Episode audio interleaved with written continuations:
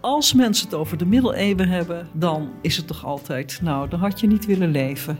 Dus wij hebben eigenlijk het idee dat de mens pas uitgevonden is met de renaissance. Maar dat is natuurlijk flauwekul. Verdikke me, hier hebben mensen gelopen die wisten wat ze wilden. En daar is enorm in gemanipuleerd. Het leuke is dat ik door de ogen van de hoofdpersonen van mijn onderzoek echt met nieuwe ogen naar die Utrechtse stadsgeschiedenis ga kijken. Dan zie je dus die stad zich ontwikkelen, je ziet partijstrijd zich ontwikkelen. En inderdaad, het gaat voortdurend om macht. En de bevolking is daar totaal ondergeschikt aan.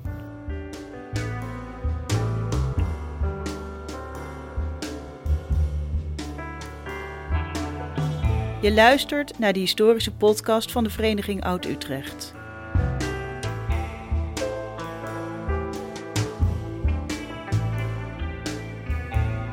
Arjan den Boer spreekt met Utrechtse historici over de geschiedenis van de stad en hun fascinatie daarvoor.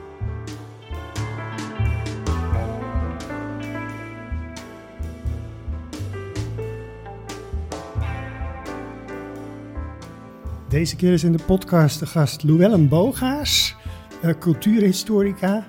En uh, hartelijk welkom uh, in deze bijzondere ruimte. Ik zit dus nu met Arjan in het Gulden Vlieskamertje van het Duitse Huis.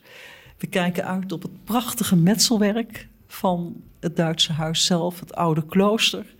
Maar ook op die schitterende tuin met die prachtige ginkgo van 1850. Dus hoe mooi kan je willen zitten? Ja, en we zitten ook nog eens bijzonder comfortabel. Hè? We zijn heel goed verzorgd uh, door uh, het Hotel Karel V. Uh, dank daarvoor en ook dat jij dat, dat jij dat hebt geregeld. Het is een heel bijzonder kamertje, want het is het bovenste kamertje van de kluistoren die na 1469 gebouwd is. En deze kluistoren is neergezet, en dat raakt al aan de lezing die ik op 27 november ga geven. Als reactie op de Hoeks- en Kabeljauwse twisten in Utrecht van 1455. Ja, nou over die clanstrijd, waar jouw lezing uh, op uh, 27 november over gaat. Uh, daar gaan we het nog uitgebreid over hebben. Dat klinkt heel spannend. Eerst ga ik jou eens even introduceren voor de luisteraar. Ik zei al, je bent cultuurhistorica en je neemt toch wel een bijzondere positie in, hè, eigenlijk binnen de Utrechtse historici, omdat je ja, zelfstandig uh, werkt, maar ook je onderwerpsgebied altijd net een andere kijk op, uh, op de zaken. Klopt dat een beetje? ik zie je leuk, kijken. Leuk, ja. leuk, leuk, Arjan. Ja, ja. dat klopt. Dat ja, klopt. En ook altijd met uh, ja, veel passie en, en hart en ziel. en, en, en die passie is onder andere gericht om aantal vooroordelen die er zijn ten opzichte van de middeleeuwers en, en ook katholieken om die, om die weg te nemen? Nou, eigenlijk gaat het mij heel erg om sociale cohesie. Dus wat maakte deze samenleving nou tot Utrecht? Wat ik altijd heel erg leuk vind, is als er namen opduiken in mijn onderzoek, om die namen te verbinden met mensen. Dus dan vind ik het ook leuk om te weten waar ze woonden, wat ze deden, wie hun familie was. En dan krijg je alleen al daardoor een persoonlijke toegang tot het materiaal. Ja. En als je het uh, zeg maar wat meer institutioneel doet, of welk segment van de geschiedschrijving je ook pakt, dan zit je altijd toch in een segment. En ik vind het heel erg leuk om verbanden te leggen tussen al die segmenten. En dat geeft vaak verrassend nieuwe perspectieven. Ja, nou, we gaan het tegen het eind van deze podcast gaan we dus hebben over dat nieuwe onderzoek, over die clanstrijd. En uh, we ontkomen er natuurlijk ook niet aan. Er liggen hier zelfs twee exemplaren op tafel om het te gaan hebben over, ja, volgens mij toch wel jouw levenswerk. Dat is ook je proefschrift geweest. Uh, en dat heet Aards, betrokken en zelfbewust. Uh, de titel roept gelijk al een hele hoop vragen op, maar uh, ook daar komen we denk ik zo meteen wel op. Ik heb begrepen dat jij in Laren bent geboren en getogen. In een katholiek gezin. Ja, het bijzondere is, ik heb een protestantse moeder en een katholieke vader. En um, nou, mijn ouders qua godsbesef en ook sociaal besef zaten toch wel vrij dicht bij elkaar. Maar ik vond het wel interessant om die verschillen te, te registreren. Uh, mijn moeder heel erg gelovig, als een, zeg maar vanuit het hart eigenlijk. En mijn vader ook wel, maar ook toch ook meer volgens de tradities waar hij mee opgegroeid was. En jouw moeder was overigens Australisch, geloof ik. Ja, Australisch. Ja. Haar, haar vader was weer een, een Nederlander.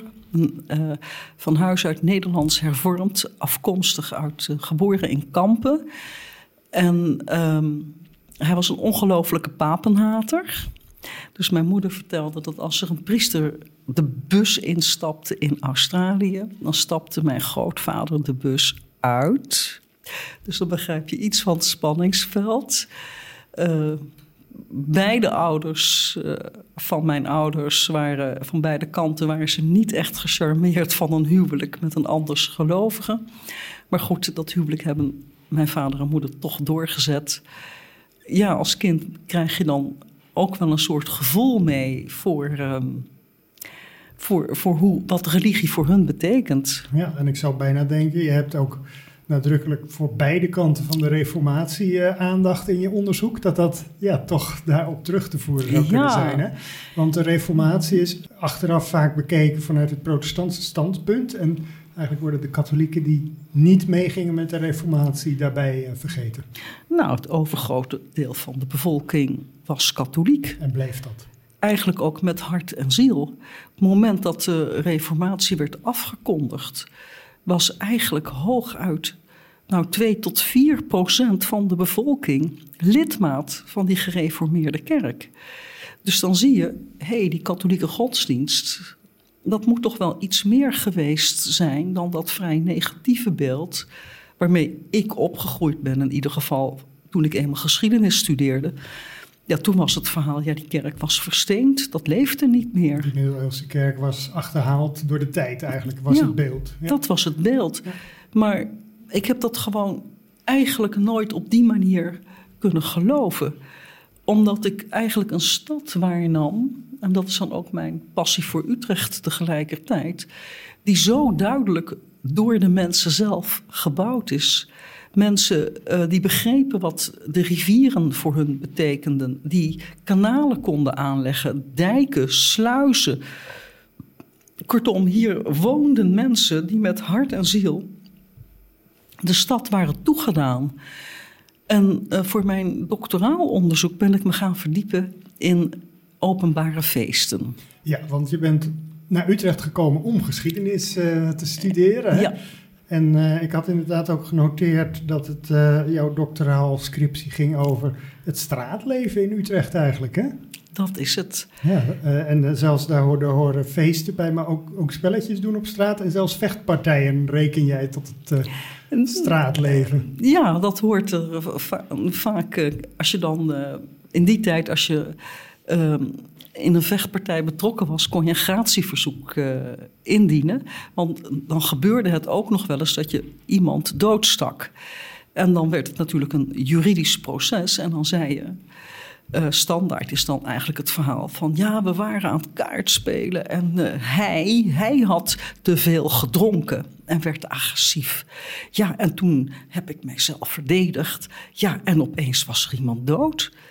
Dus er wordt altijd een vorm van onschuld uh, aangewend, maar vaak tijdens een spel lopen de gemoederen op en lopen ze uit de hand. Ja.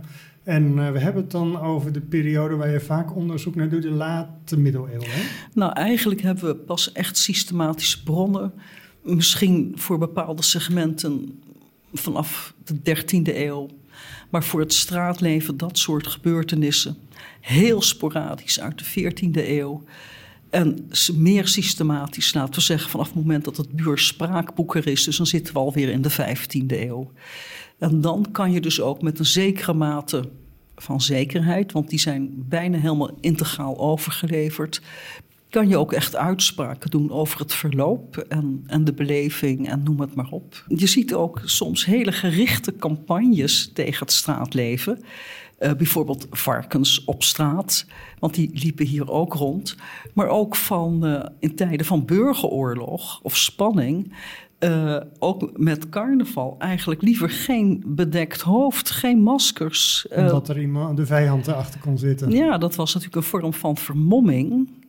Ja, hoe betrouwbaar is dat? Dus dan krijg je daarop een verbod. En ook op samenscholing en noem het maar op. Dus op die manier kan je via bronnen die daar niet voor bedoeld waren, toch ook leuk uithalen wat er gebeurde. Ja. En dan, dan voelde je uit alles dat dit een cultuur is die heel erg leeft bij de mensen, waar de mensen bij betrokken zijn. Dus als er processie was, ik bedoel, er was dan ook wel een wet die zegt van je moet zorgen dat de buurt er goed uitziet. Maar je voelt ook dat de mensen dat zelf wilden. Want de stad was helemaal vol met mensen als er een grote processie was. Dus het was ook een toeristische trekpleister. Maar het was het betekende natuurlijk ook iets voor mensen. Ja, dus jij wil daarmee eigenlijk zeggen: het was niet zo dat het vanuit de katholieke kerk van bovenaf werd opgelegd. Het waren echt de mensen zelf die zich daar betrokken bij voelden. Ja. Eh, eigenlijk misschien zeg maar desondanks de kerkleiding. Dat laatste zou ik wel weer niet zeggen. Maar ja, die parochiekerken die zijn allemaal gebouwd, ingericht, vormgegeven door de parochianen. Die hebben al die schenkingen gedaan, waardoor dat mogelijk werd. En ook al die feesten, dat werd door de parochianen gedragen. De buurtfeesten werden door de buurt georganiseerd. Dus er was zoveel van onderop. En dat uh, heeft mij echt enorm geraakt in het onderzoek. Hoe, um, hoezeer men ook voor de buurt leefde. Wij zijn natuurlijk veel geïsoleerder, geïndividualiseerder geworden. Wat me ook enorm ontroerd heeft, is zeg maar het afscheid van een stervende. Dat gebeurde dus door de buurt. Die kwamen allemaal langs om afscheid te nemen van de stervende. En dan vroegen ze eigenlijk: kan ik nog iets voor u doen? En daar werd eigenlijk mee bedoeld: staat er nog iets tussen ons in? Kan jij rustig sterven? En dan was het dus nog een laatste gelegenheid om dat te vereffenen. Om nog iets uit te praten. Ja, en als dat dan uh, gebeurd was, dan gaven ze elkaar een kruisje op het voorhoofd. Nou, dat is toch zo prachtig. En dat waren ook de buren die de begrafenis organiseerden. Dus ook het sterven was een sociaal gebeuren. Baren, een kind baren, een sociaal gebeuren. Daar waren de directe buurvrouwen bij betrokken. Maar bedoel je ook dat ze erbij aanwezig waren? Absoluut. Ja. En bijvoorbeeld, ik heb ooit, ik geef veel cursussen. En er was een, een arts die had in Wijk C gewerkt, zeg maar, in, in de jaren 30, 40. En van, de, zei, van de 20ste eeuw? Van de 20ste eeuw. en toen was dat nog zo? Dat was nog zo. Hij moest een vrouw helpen bevallen. En de buurvrouwen zaten er in stoelen omheen. Nou ja, dat is er gewoon om kippenvel van te krijgen. Ja, uh, het is aan de ene kant heel mooi, maar aan de andere kant denk ik dat heel veel mensen van nu dat toch ook niet meer zouden willen. Dat, dat past niet meer in onze cultuur. Nee. Maar ja, wij hebben nu natuurlijk een top gynaecologische zorg en noem het maar op. Maar heel lang hebben vrouwen met elkaar gezorgd voor zwangerschap, bevalling, eerste levensjaren en noem het maar op. Ja. Het aardige is dat ik nog een, uh, een artikeltje tegenkwam van jou uit 1996 in het tijdschrift Oud-Utrecht. Uh, je schreef toen: Het is niet velen gegeven om vrolijk te blijven als hard werken weinig beloning oplevert. Ja. Toen dacht ik, ja, dat zal vast ook je eigen ervaring in die periode zijn geweest. Dat, je, dat het heel moeilijk was om als historicus ja. Nou ja, rond te komen. Ja, eigenlijk uh, kreeg je een fooi. Ook als het werkelijk om groot werk ging. Uh, terwijl als het bijvoorbeeld om een boekuitgave ging, als je dan zag wat er betaald werd aan vormgeving en editor en noem het maar op, ja, dat was natuurlijk het grote geld. En ik herinner me nog dat er één keer tegen mij gezegd werd, maar ja, dat is zo ontzettend leuk eigenlijk wat jij doet. Dat is gewoon toch je hobby. Ik zei ja, maar ik kan van de lucht niet leven. Nee. En dat, dat, dat was een argument waar men toch niet heel gevoelig voor was. Nee, dus... en volgens mij is dit probleem nog altijd uh, aanwezig. Uh, jij bent toen, en dat heeft hier denk ik mee te maken, een eigen bedrijfje begonnen. Hè? Dat ja, heet... nou mijn bedrijf heet levendverledennu.nl. In ieder geval, ik ben rondleidingen gaan geven. Eerst voor de VVV. Nou, dan kreeg je in die tijd nog 25 gulden voor een rondleiding.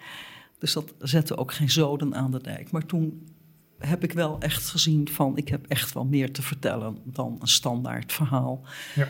En ehm, dus dat is het begin van mijn bedrijf geweest. En toen ben je ook allerlei cursussen en lezingen gaan verzorgen. Ja, en het leuke was Grand Hotel, uh, dus het Duitse, voormalige Duitse huis, dat Ja. werd in gebruik genomen. Als Hotel Karel V, waar we dus nu zitten. Waar En wij dat is nu ook zitten. in die tijd al eh, begonnen. En het leuke is dat eh, zowel eh, ik vanuit diverse kanten voorgedragen ben om hier de rondleidingen te gaan verzorgen.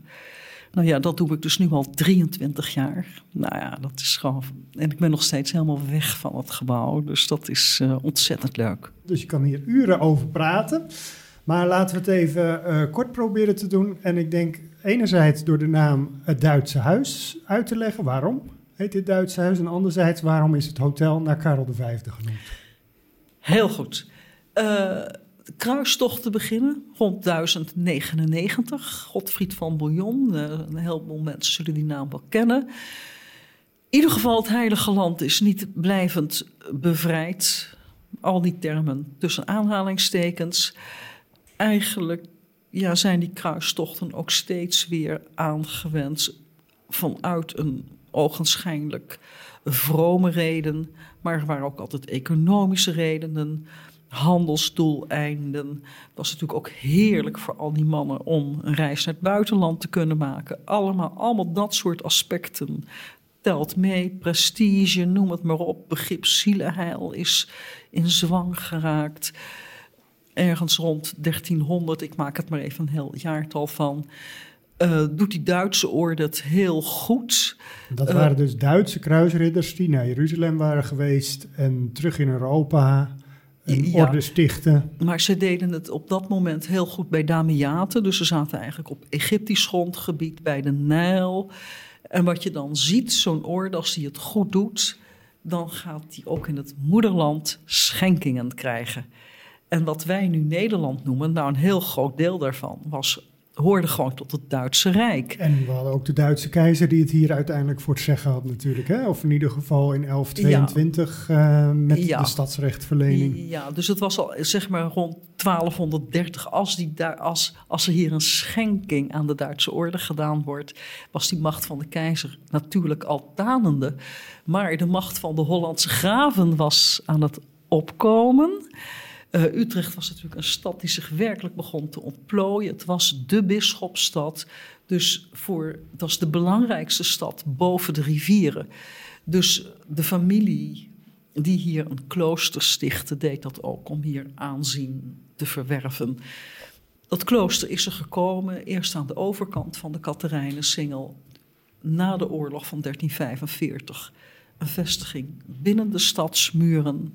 Op deze plek dus. Hè? Op deze plek. Ja, natuurlijk ook geweldig dat dat klooster hier alweer ja, ruim 670 jaar staat. En het is gewoon zo heerlijk dat het bewaard is gebleven. Het heeft in later tijden nog allemaal eh, andere functies gehad. Hè? Later ook nog eh, militair eh, hospitaal. Ja, Maar laten we nog even op die, die, die naam Karel V, waar het hotel naar genoemd is, dat hier in de jaren negentig kwam. ja. Want die is hier zelf geweest. Ja, want dat was eigenlijk best een probleem. Eh, het gebouw werd in de volksmond het Duitse huis genoemd of het militair hospitaal. Het is militair hospitaal geweest, zeg maar, vanaf 1811 in die buurt. En dat is het gebleven tot eind jaren 1980. En ja, dat waren de gebruikelijke namen: Duitse huis of militair hospitaal. En dat zijn eigenlijk geen klinkende, uitnodigende namen voor een grand hotel. Dus men is gewoon op zoek gegaan, wat kunnen we nog meer verzinnen? Nou, ze hoefden niets te verzinnen, want Karel V heeft hier gelogeerd in 1545. Is hij hier een aantal weken geweest. Eh, eigenlijk had het ermee te maken dat hij in 1543 alle Nederlandse gewesten onder zijn gezag had. En wilde hij ook echt duidelijk maken: ik ben nu de baas. En daarom belegde hij een vergadering van zijn ridderorde, dat was de orde van het Gulden Vlies, hier in Utrecht. En dat was echt de bedoeling. Mensen, zie mij nu wel goed, want ik ben hier nu de machthebber.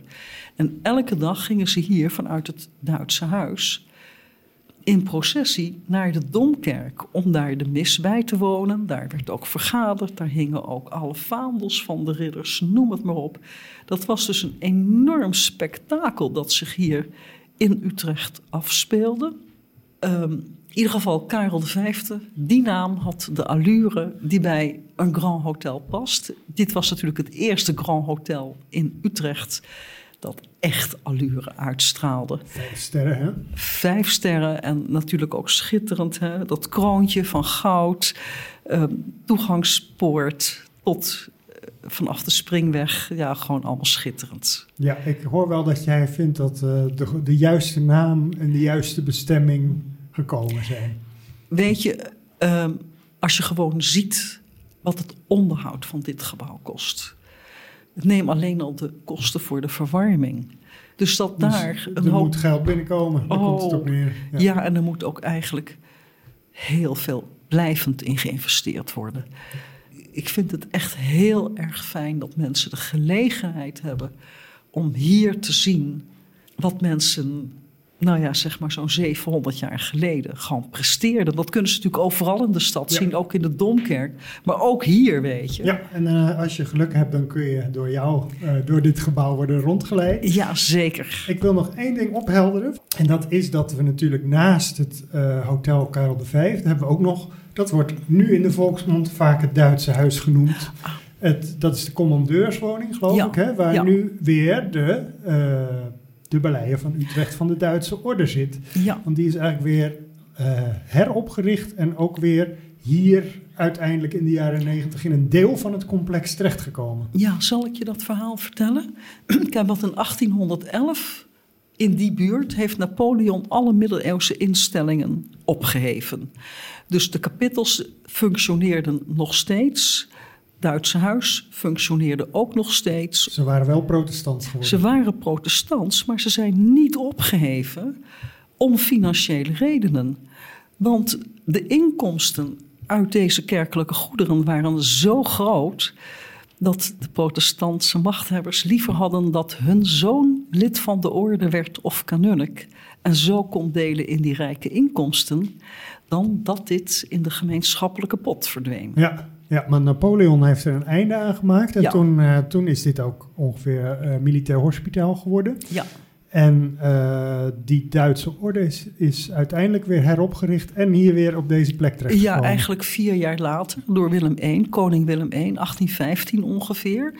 Uit eerst zaten ze op de Hofpoort aan de Nieuwe Gracht. Ja. En daar hebben ze gezeten totdat duidelijk werd dat het militair hospitaal hier zou vertrekken. En toen is de verkoopakte van 1811 in die buurt die is uh, geraadpleegd. En daarin stond dat de Duitse orde als eerste het recht van terugkoop had. Nou, dat vond die bestaande Duitse orde, die nog steeds bestaat. Uh, eigenlijk een heel erg leuk idee. Maar ze begrepen wel, dit is een te groot project voor ons. Uh, zij hebben dus de voormalige commandeurswoning, die uit de 15e eeuw dateert, die hebben zij dus helemaal opgeknapt. En dat is echt een geweldig werk geweest. Want ook dit gebouw, dus laten we zeggen het kloostergebouw, was in een deplorabele staat. En dat was het, de commandeurswoning ook.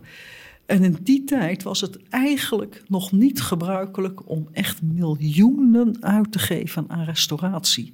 En dat heeft die Duitse orde wel gedaan. Ja. En um, ja, ik ben er toch dankbaar voor. Ja, omdat het, gewoon... het is mooi dat ook die, die orde weer terug is op deze plek, maar inderdaad niet precies, het hele complex. Precies. Uh, deel hotel, deel ja. voor de Duitse orde. Het enige nadeel is dat het nu een soort scheiding voelt, alsof het niet één complex is, hè? omdat er verschillende nou, ingangen zijn. Dat, dat is zo, maar ik respecteer het. Ik heb echt het gevoel, die Duitse orde zit daar.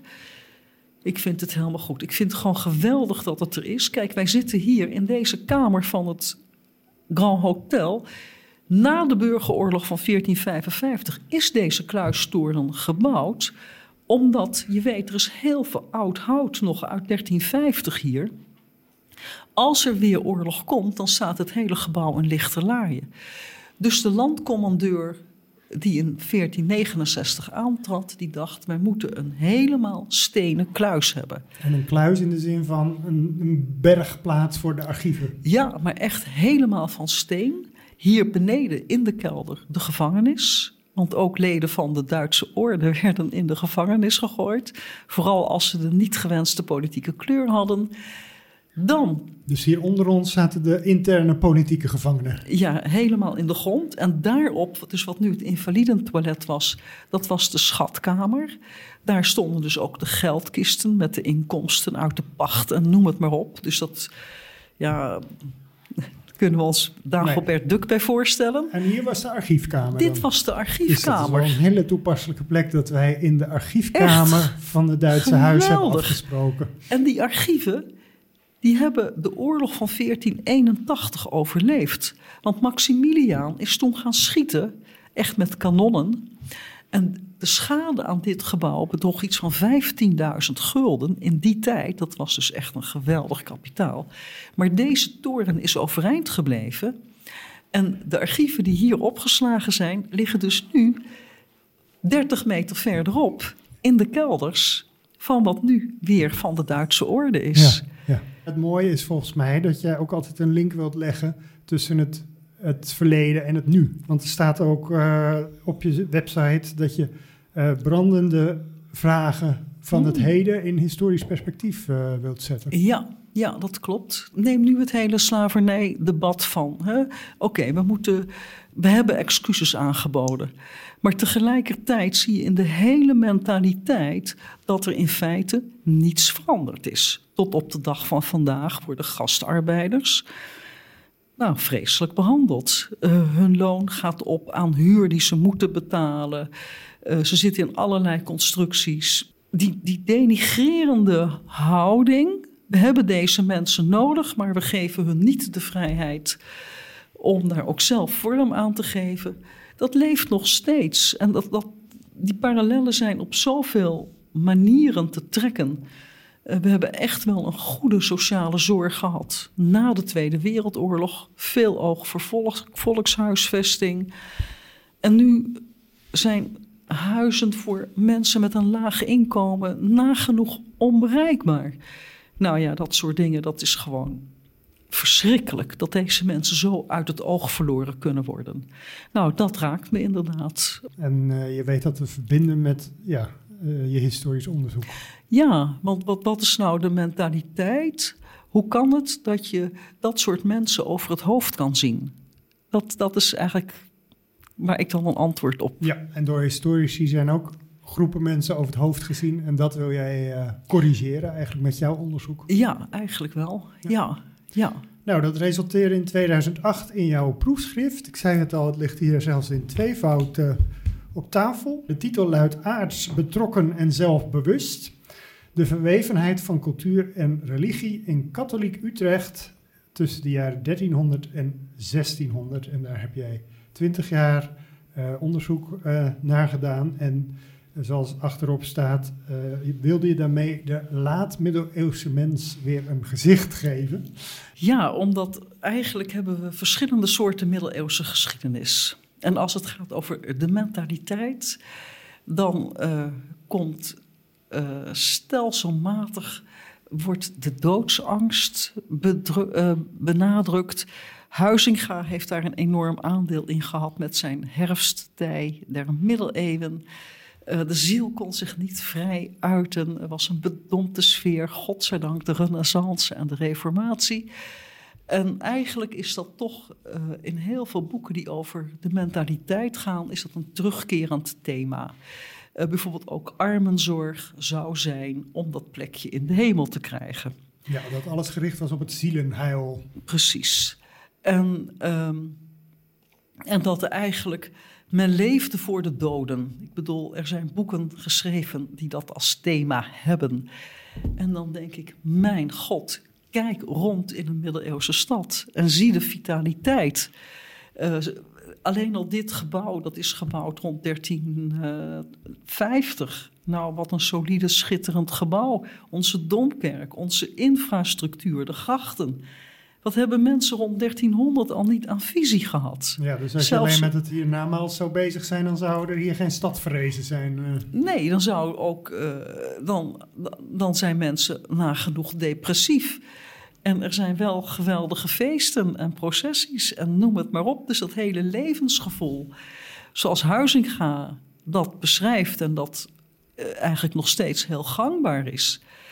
Ja, dat bestaat eigenlijk alleen in de fantasie van Huizinga en zijn navolgers. Je presenteert het zelf zo ook, zo staat het geloof ik zelfs achterop, dat het boek een nieuwe kijk op de reformatie biedt. Ja, Zou je eh, kort kunnen zeggen waaruit die kijk bestaat? Nou, eigenlijk toch wel van eh, wat ik al eerder vertelde. Godzijdank kwam die reformatie. Dus ook, Dat is de oude kijk, zeg maar. dat is de oude kijk. En Ja. fijn, heerlijk dat die katholieken eh, het veld moeten ruimen en noem het maar op.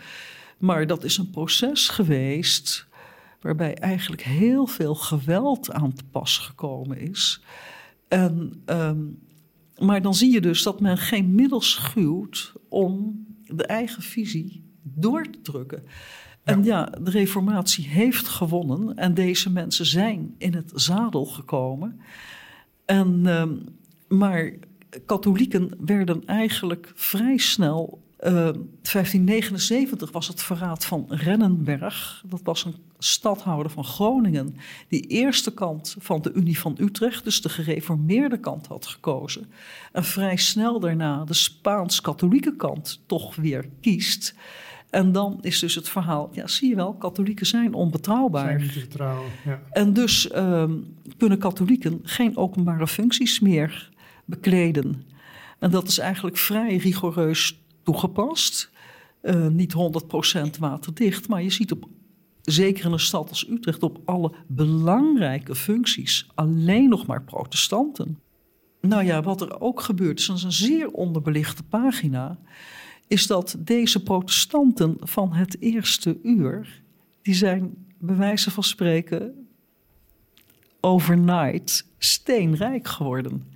Want zij hadden natuurlijk alle toegang tot alle financiële bronnen. Dus eh, de bezittingen van de kloosters en zo, die geconfiskeerd Ook werden. Dat, die gingen dan nog vaak naar de staten, maar omdat zij eh, bijvoorbeeld de oorlogskassen.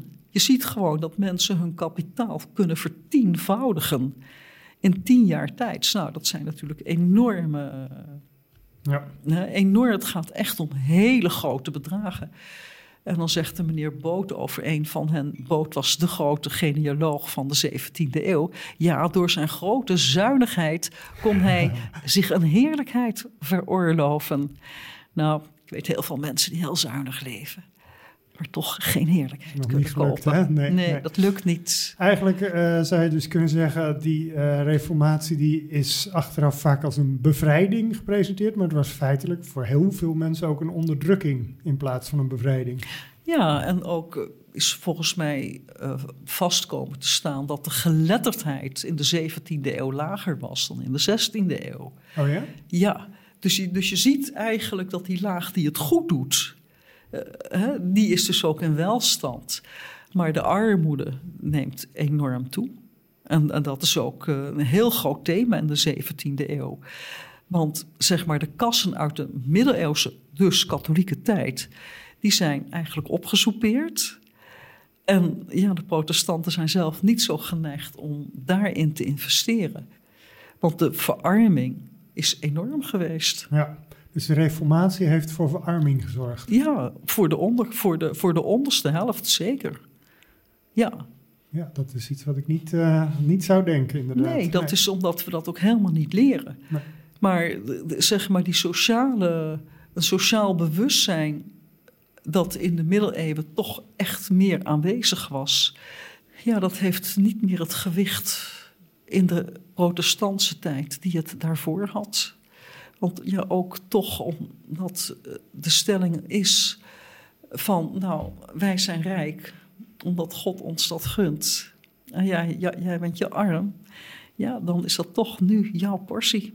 En Ja. jouw erfdeel waar jij het mee te doen hebt. Klinkt een beetje zoals je nu zou kunnen zeggen van na de sociaaldemocratie van de 20e eeuw, het neoliberalisme. Ja. Daar lijkt dan de reformatie een beetje op als je het zo vertelt. Ja, eigenlijk zit dat in, in die lijn van denken. Ja. Dat mensen verantwoordelijk worden gesteld voor hun geluk of ongeluk. En dat, het, en dat er dus niet naar structurele redenen gekeken wordt. Van hé, hey, hoe toegankelijk is alles? En voor wie? Nou ja, komen we toch weer op de actualiteit eh, Ja. uit. Ja. Ja, Maar laten we eens kijken, wat, waar, dat vind ik nog steeds wel wat raadselachtig. De titel, aards, betrokken en zelfbewust. Kun je die proberen uit te leggen? ja omdat als mensen het over de middeleeuwen hebben, dan is het toch altijd, nou, dan had je niet willen leven. Eh, geweld, eh, bedompt, klein. Eigenlijk alle Don- negen. Donker vaak ook, hè? Is de het donkere middeleeuwen. En, en je krijgt de rillingen als je mensen daarover hoort spreken. Maar dus die geweldige stenen huizen die in Utrecht bewaard zijn gebleven... die laten zien dat men in de middeleeuwen net zo goed investeerde in licht en lucht als wij doen. En als je dan bedenkt dat deze stad, waar eh, rond 1900 woonden zeg maar zo'n 100.000 mensen in deze stad... terwijl deze stad toch echt gebouwd is op een bevolking van, laten we zeggen, 20.000. Dus er was gewoon ook voor arme mensen heel veel meer ruimte dan, dan wij zo denken. En ook zelfbewustzijn. Dus wij hebben eigenlijk het idee dat, dat eh, de mens pas uitgevonden is met de renaissance. Maar dat is natuurlijk flauwekul. Waar mensen zijn, is menselijk bewustzijn. Een mens ziet zichzelf niet als een kuddedier. Ik denk dat een koe zich zelfs niet eens als een kuddedier ziet. Dus ehm, waarom zouden wij dat gedaan hebben? En dat zijn eigenlijk van die. Ja, dat, dat is wel een gevoel waarvan ik mensen bewust wil maken. Van dit is gecreëerd door mensen die dus een bewustzijn hadden. Dat is eigenlijk wat ik leuk vind. Goed, eh, dit was even een tussendoortje, Arjan. Ja, maar het is heel goed, want je hebt de titel van het boek ook nog beter nu Ja. verklaard. Ja. Ja. want daar ging het mij om. Van verdikke me, hier hebben mensen gelopen die wisten wat ze wilden en die daarvoor gingen. En daar is enorm in gemanipuleerd. En het is vervelend dat die manipulatie ons beeld is gaan bepalen. En ik vind dat daarom belangrijk, als een link naar nu, eh, hoe wij over andere culturen geschreven hebben, hoe wij over andere culturen denken daar zit datzelfde verhaal achter als bij ons in de geschiedenis gebeurd is. Eigenlijk zit- kijken we ook naar de middeleeuwen alsof het een vreemde, exotische, minderwaardige cultuur eh, Ja. is. Of was. Ja. ja. En terwijl het toch echt onze eigen cultuur geweest is. We hebben ook dat rare vooruitgangsdenken allemaal. Terwijl mensen heel goed in staat zijn om hun eigen leven op een voor hun passende manier in te richten. En eh, wat er natuurlijk eh, gebeurd is als Nederland naar Indië gaat, ja, dan zien we opeens wat wij een primitieve samenleving noemen. Maar die samenleving functioneerde. En wij zijn daar met geweld binnengedrongen, omdat wij behoefte hadden aan hun thee of hun rijst of hun katoen of wat dan ook. En dat moest geproduceerd worden naar onze wensen. En dat heeft natuurlijk een enorme ont- ontworteling eigenlijk gegeven en heel veel gedwongen aanpassing van mensen gevraagd. En daarom minachten wij mensen. Nou ja, ik word helemaal gek van al dat soort redeneringen. Maar het leeft nog steeds. Ja. En het leuke, de lezing die ik ga geven, wat me heel erg duidelijk geworden is, Arjan, is eigenlijk dat Utrecht ook gekolonialiseerd is geweest. Vertel. Ja, dat is het verhaal eigenlijk van de kerstening. Ja.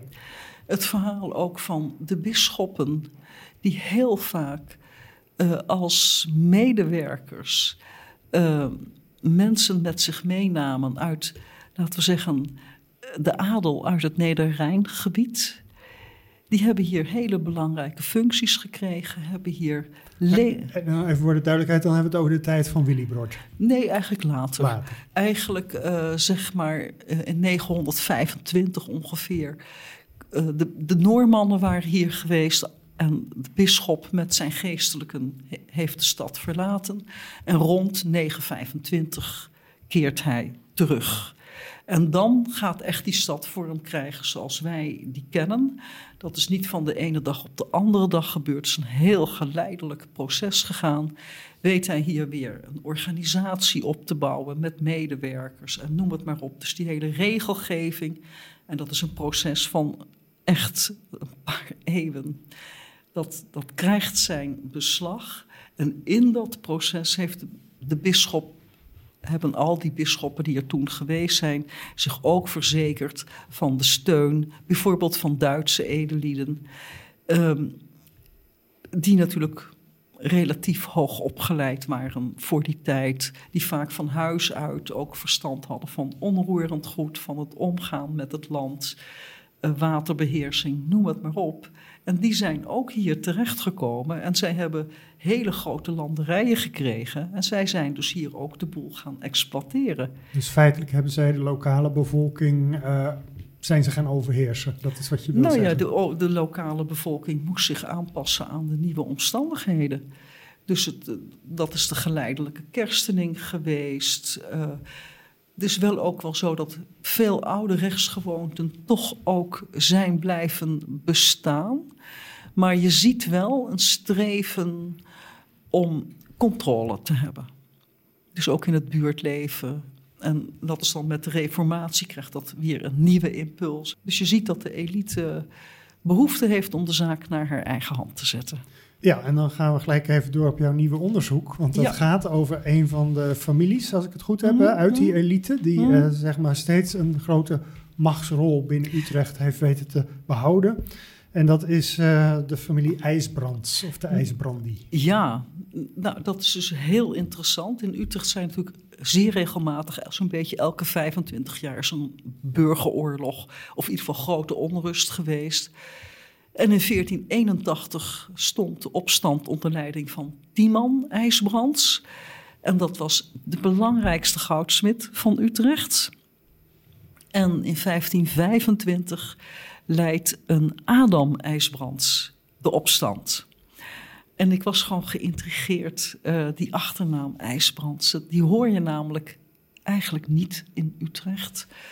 En ik dacht, wat hadden die twee nou met elkaar te maken? En mijn belangstelling werd nog meer aangevoerd, gevuurd, omdat ze alle twee aan de hoekse kant zaten. Van die hoekse en kabeljauwse Van de twisten, hoekse, ja, en, en die hoekse en kabeljauwse twisten in die tijd uh, was je hoek als je anti-Bourgondisch of anti-Habsburgs was. Dus je we hebben het over ongeveer rond het jaar 1400? Ja, 1480. Dat was dus uh, Tiemann IJsbrands, 1525 uh, Adam IJsbrands. En Adam, in die tijd, Karel V wilde Utrecht hebben. Dat was eigenlijk onomstotelijk helder.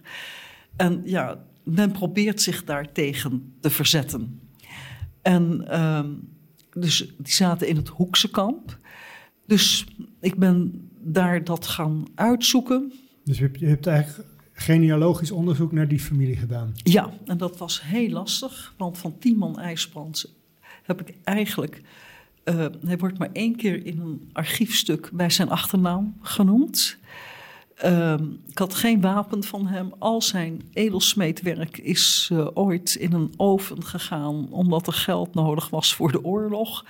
Uh, zijn graf is al in 1535 geruimd in de buurkerk. Dus wat ik ook deed om een achternaam te krijgen of een familierelatie, ik ben echt zo diep de bronnen ingegaan. Ik dacht, nu gaat het lukken. Nee, weer niet. Omdat Tiemann IJsbrands zo bekend was, volstond de naam Tiemann IJsbrands voor mensen. Iedereen wist wie dat was. Dus, en van Adam IJsbrands had ik iets meer. Ik had in ieder geval zijn familiewapen. En daar was ik eigenlijk ook gelijk door geïntrigeerd. Want het was het wapen dat heel veel lijkt op het wapen van de families Drakenburg, Zoudenbalg, Mauer. Nou, die eerste twee kennen we van de grote huizen, hè? Precies, precies. Drakenburg en Oudaan was heel gebruikelijk. Ieder ontwierp eigenlijk zijn eigen wapen, maar op basis van reële nieuwe familieverhoudingen. Dus een huwelijk of, ja. of wat dan ook. Een, is dat hetzelfde als een alliantiewapen? Een alliantiewapen is het wapen van de man. Links en van de vrouw rechts. Maar zij gingen dus die wapens laten versmelten. Ze mixten het echt door elkaar, Op een bepaalde Ja. manier, dat kon een klein rechthoekje zijn waarin het wapen van de vrouw werd ingebracht of het symbool, wat dan ook. Maar die wapens moesten dus eigenlijk aantonen wie zij waren binnen hun eigen familie en binnen de Utrechtse samenleving. Ja, en, en aan de hand van dat familiewapen kon je het ge- genealogische spoor eh, gaan volgen. Ja, want één ding was duidelijk. Als Adam IJsbrands dat wapen kan voeren, dan moet hij ergens in dat cluster van al die families die dat achtbandige wapen hebben, moet hij thuis horen. Ehm, de gegevens zijn zo ontzettend schaars. Het is echt, je zoekt voortdurend naar spelden in hooibergen. Maar je hebt ze toch gevonden. Ik heb in ieder geval gevonden dat zij bij dat cluster horen. Dat dat is een, een gegevenheid. Toen kwam de volgende vraag: waar komt die naam IJsbrand vandaan? Want die naam is zo onbekend in het Utrechtse. En dat heb ik met zekerheid gevonden. Dat was een van die Nederrijnse ridders die naar Utrecht gehaald werd door de bisschop. We zien hem eh, opereren in 1121. Dan is hij eh, een getuige voor de bisschop van Utrecht. Dan heet hij heel eenvoudig Isbrandus. En dat is dus bij de verlening van het stadsrecht. eh, nee, dit was bij een, ehm, gewoon een oorkonde over iets. oorkonde, In dit ja. geval een kerk, als ik me niet vergis, in Gelderland.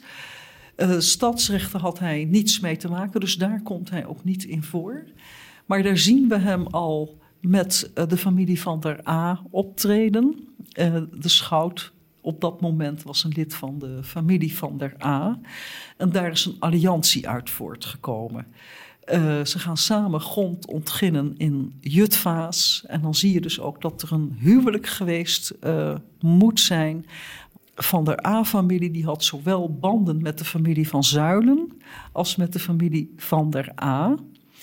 En ja, en de familie van Zuilen, dat, die zijn van de vele kastelen in, eh, Ja. in en rond Utrecht. Hè? Absoluut. Onder andere Slot Zuilen, maar ook eh, ja, De Haar, et cetera. Ja, en dat is ook weer een familie die uit het Nederrijngebied komt en zich ergens eh, in de 11e eeuw in Utrecht gaat vestigen. En die familie van Zuilen, die wordt echt eh, heel erg machtig.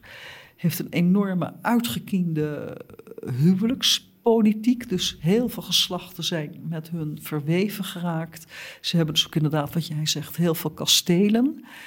En ehm, deze familie, zou je kunnen zeggen, dat is de oerfamilie van de clan. Ja. De ene clan in Utrecht en de andere clan is meer de Lichtenberg-clan. Want nu kom ik op de ondertitel van jouw eh, lezing en ik begrijp ook dat er een boek eh, gaat komen, namelijk Clanstrijd in de Ja. Utrecht. Waar werd de strijd omgevoerd? Ja, waarschijnlijk om de macht, denk ik dan. Dat is het beste algemene antwoord dat je kan geven. Want eh, deze mensen waren niet vies om een reden voor oorlogvoering. Ehm, maar wat is er leuk aan? Tot nu toe werden al die afzonderlijke oorlogjes... die werden toegeschreven aan de op dat moment leidende familie. Dus we hebben eh, de Lokhorsten, we hebben de Gunterlingen... eh, we hebben eh, de familie De Vries... En het leuke van het genealogische onderzoek dat ik gedaan heb, is dat ik echt heel hard kan maken dat ze allemaal. ehm, eh, dus dat bijvoorbeeld de Lokhorsten hadden een Drakenburg als moeder. Ik zeg het even uit mijn hoofd, dus had dat een slag om de arm. Dus de korte versie is, ze waren allemaal familie van elkaar. Ja, dat is het. En eigenlijk zelfs ook de tegenclan waren ze ook familie van. Dus het is heel complex. Maar ja, eigenlijk zou je kunnen zeggen, er is een erfenis en ik ben niet tevreden met mijn aandeel. Ja, dan ben jij wel mijn broer, Arjan, maar dat vind ik toch niet echt heel Nee, erg leuk nee. dat jij meer gekregen hebt dan ik. Of ik vind dat jij meer gekregen hebt. Nou ja, goed, zo ontstaan ruzies. Ja. En ehm, je ziet eigenlijk dat die burgeroorlogen die je dan ook naar de opstand leiden. Want voor Utrecht is het zonder meer helder dat de opstand is een hoekse aangelegenheid. Ja, en voor de duidelijkheid, met opstand heb je de opstand tegen de Habsburgers, tegen Ja, Spanje ten tijde van de Ja. Reformatie. Hè? ja. Ja. en ik ga zelfs laten zien dat Willem van Oranje familie was van mijn familie, Adam IJsbrand. Het, ja, dat is dus wat ik heel erg voortdurend bij dit onderzoek gedacht had. Ik had, ik had dus misschien drie leads, hè, drie aanwijzingen. En dat is een onderzoek, onderzoek, onderzoek geweest. En verdomd, toen ik het uiteindelijk had, weet je, nou, dan ging er een wereld open. En dat was elke toen ik dus eenmaal ijsbrand kon plaatsen in Jutvaas. Hem kon koppelen aan de Van der Aas. De link naar Van Zuilen. Ik heb de hele tijd gedacht, ik word gek, weet je. Dit is, dit is je ging steeds meer verbanden zien eigenlijk. Ja, en toen dus ook op het laatst die link met Willem van Oranje. Nou ja, je valt van je stoel ja, voortdurend. Ja. Maar dan zie je uh, hoe ongelooflijk belangrijk genealogisch onderzoek is. Maar ik heb ook heel veel geografisch onderzoek gedaan. Um, omdat ik allerlei dingen wilde begrijpen. Dus ik ben eigenlijk met hele nieuwe ogen naar de stad gaan kijken. Nog een levenswerk, ik hoor het al. Ja, maar het, was, het is wel heel erg leuk. Ja, ja. ik denk wel, overigens, uh, het geldt ook voor mij een beetje. Ik heb met veel interesse zitten luisteren, maar het duizelt me wel natuurlijk. Alle families die je noemt en alle gebeurtenissen. Ja. Stel dat we het nou nog eens in een paar zinnen eens even, even de samenvatting over deze clanstrijd en deze ijsbrand die moeten, moeten geven. Hoe zou die dan luiden, zeg maar? Uh, om, om het nog eens even voor de, voor de buitenstaander nog helderder te krijgen. Toen ik met mijn onderzoek begon, dacht ik dat deze ijsbranden die een gildenopstand leiden, dat dat gewone burgers waren. Dus wie schetst mijn verbazing dat ik hun met de hoogste adellijke families kan verbinden? En dat ik zelfs lijnen terug kan leggen tot in de 8e eeuw. Dus um, dan zie je dat er heel veel meer continuïteit is. Het leuke is, en dat is natuurlijk de uitdaging van het boek, dat ik door de ogen van de hoofdpersonen van mijn onderzoek echt met nieuwe ogen naar die Utrechtse stadsgeschiedenis ga kijken. Dus de ontginningen die er geweest zijn. Ehm, de netwerken die er waren, want dat, daar is Nederland eigenlijk altijd heel goed in geweest. Polders, maar ook de ontginningen. En dan zie je dus die stad zich ontwikkelen. Je ziet partijstrijd zich ontwikkelen. En inderdaad, het gaat voortdurend om macht. En de bevolking is daar totaal ondergeschikt aan. En dat is ook iets wat me enorm geschokt heeft. Dus je ziet eigenlijk aan die onderkant, die samenleving, die die sociale cohesie in stand houdt, wil houden, belangrijk is voor de gemeenschap. Ja, en ondertussen is, op. is de bovenkant is de elite aan het, met elkaar aan het vechten om de macht en het geld. Precies, en dat ontwortelt natuurlijk enorm. Dus eigenlijk heel interessant om dat samenspel te zien. En daar is de Reformatie een, een sleutelstuk en een sluitstuk in geweest. Want op dat moment kon de katholieke traditie als het ware het zwijgen worden opgelegd. En dat heeft natuurlijk enorme gevolgen gehad voor de sociale cohesie. Fascinerend. En ja. uh, we gaan nog even heel duidelijk zeggen dat jouw lezing daarover dus op 27 november is in de Lutherskerk. Hè? Dat, is, ja, dat is ook wel mooi ergens graag opgeven via Levend Verleden nu. Eh, op mijn website vind je gewoon de folder, ook met hoeveel het kost en noem het maar op. Ja, we zullen bij de podcast eh, op de website van Oud Utrecht zullen we de link, uh, de, de, link vermelden. Dus zondag 27 november, voor wie nog veel meer wil horen over die clanstrijd en, en de familie uh, IJsbrandy. Ja. En het boek dat verschijnt dan ergens de komende jaren, denk ik. Dat, is de bedoeling, Arjan. Het leuke is, uh, ik heb hier ook al een cursus over gegeven. Precies wat jij zegt, er is zo'n veelheid van onderwerpen. En ik ben dus ook bezig van hoe, wat is nou de sterkste lijn om, om dit voor een groter publiek toegankelijk te maken. En ik vind het eigenlijk best wel belangrijk dat we ook inzicht krijgen in dit stukje van ons verleden. Ook hoe Utrecht ten dele van onderop vorm heeft gekregen. Dat zijn die oorspronkelijke bewoners die hier woonden. De buurkerk, alleen al die naam zegt het al, de kerk van de buren. Maar ook hoe er dan die laag bovenop komt, die de boel naar de eigen hand probeert te zetten. Hoe die interactie is geweest. En wat de consequenties daarvan zijn tot op de dag van vandaag. Daar gaat het eigenlijk om. Ja. Llewellyn, we hebben ontzettend veel besproken. Ja. We hebben je lezing genoemd die op eh, 27 november eh, wordt gehouden. Eh, ik wil je ontzettend bedanken voor eigenlijk de ontvangst hier in deze riante torenkamer en eh, de vele verhalen die je hebt verteld. En veel succes met je lezing en onderzoek. Nou, dankjewel. En eh, ik vind het fijn om ermee naar buiten te treden. En eh, ik hoop ook dat er allerlei verbanden doorgaan ontstaan... eh, die het project handen en voeten gaan geven. Ongetwijfeld. Dank je wel. Dankjewel.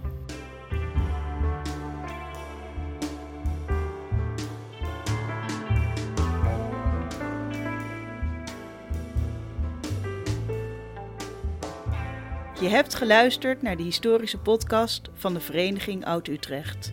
Samenstelling Arjan den Boer.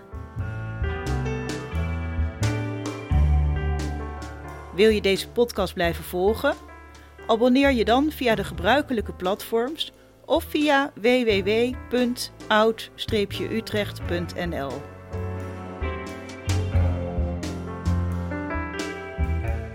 Wil je deze podcast steunen? Word dan lid van de Vereniging Oud-Utrecht en je ontvangt ook zes keer per jaar het tijdschrift Oud-Utrecht, het jaarboek en de uitnodigingen voor activiteiten. Meer informatie www.oud-utrecht.nl